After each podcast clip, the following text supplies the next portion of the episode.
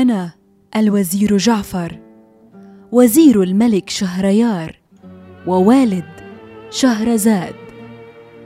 سأختصر لكم مغامرة ابنتي شهرزاد عن زواجها من الملك شهريار. وسأشرح عن سبب إقلاع الملك المنتقم عن انتقامه الحقيقي للخيانة. التي كانت الأعظم على مر العصور. فهل كانت قصص شهرزاد كافية لتحول الانتقام إلى الرغبة بالحب والعدل والجمال؟ الحقيقة إن ابنتي شهرزاد أحبت شهريار بل عشقته وكانت تلهف وراء عشقها فحولت بجهد عقلها الملك شهريار المدمر قاتل النساء إلى شخص يعقل ويحب بل ويعدل. سأترك لكم ما حصل في الليلة الأخيرة من ألف ليلة وليله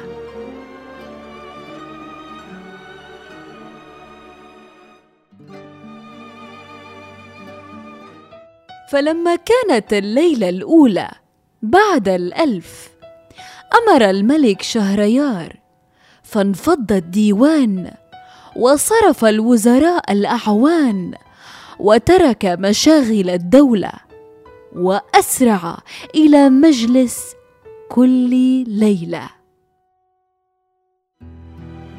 فإذا بالمجلس عطور وبخور وعالم مسحور وشموع مشتعلة ونور فوق نور. تفقد الملك المكان ولم يرى شهرزاد. بحث عنها بشغف والشوق يزداد ولكنه توقف فجأة وقال في نفسه ما هذا يا شهريار؟ ما الذي تفعله؟ هل وقعت في الحب؟ لا لا لا مستحيل إنني أكره النساء. ولكنها ليست كباقي النساء. لا لا لا يا شهريار عليك الخلاص منها.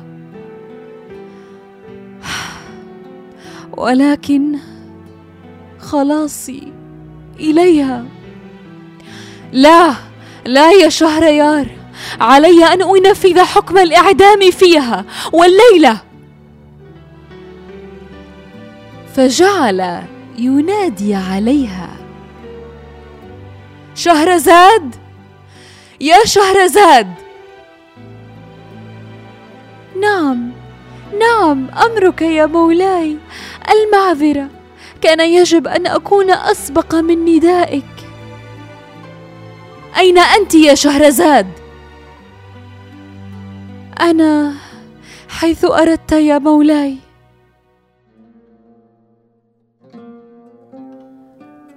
اذا أنت في أعز مكان. أقصد لم أراك في المكان. أنا بين يديك يا سيد الأزمان. شهرزاد حديثك يعذب أشرب منه كل ما ظمأت ولكنني أظمأ كل ما شربت. لا وقت للمراوغة.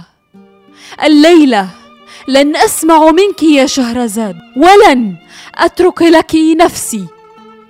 إنني عازم على أن أنهي هذا اللغز. آه آه يا مولاي. نعم نعم صدقت يا مولاي. لا مزيد من الحكايات. لقد انتهى الوقود. وتبخرت من رأسي الروايات. كان لدي دولة كبرى من الأنباء.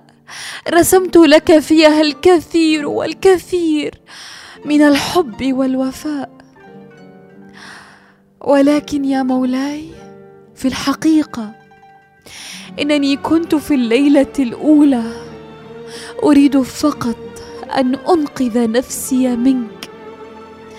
ولكنني الآن يا سيدي أريدك أنت فقط. وها أنا بين يديك. افعل بي ما شئت.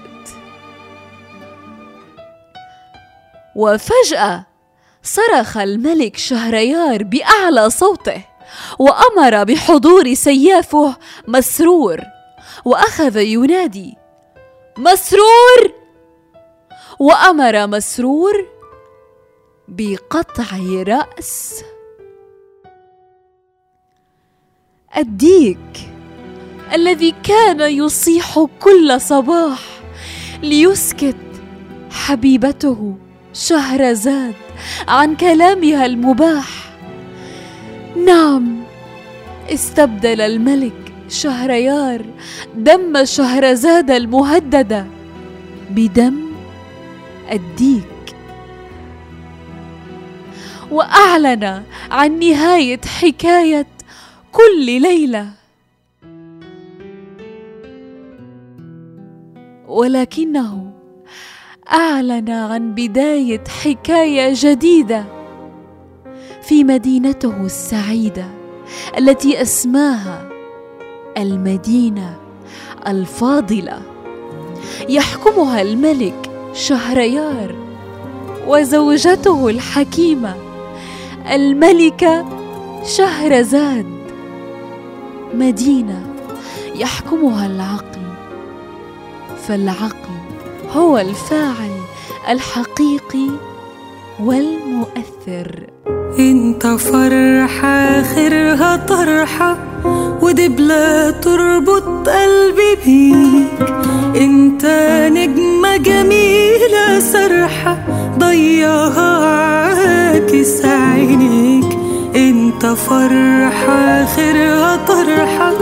ودبلة تربط قلبي بيك.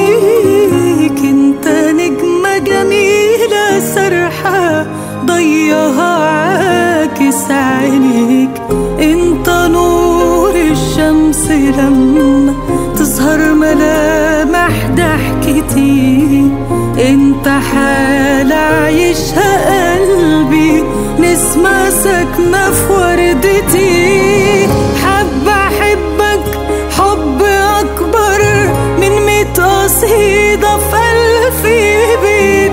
حابة أعيش لك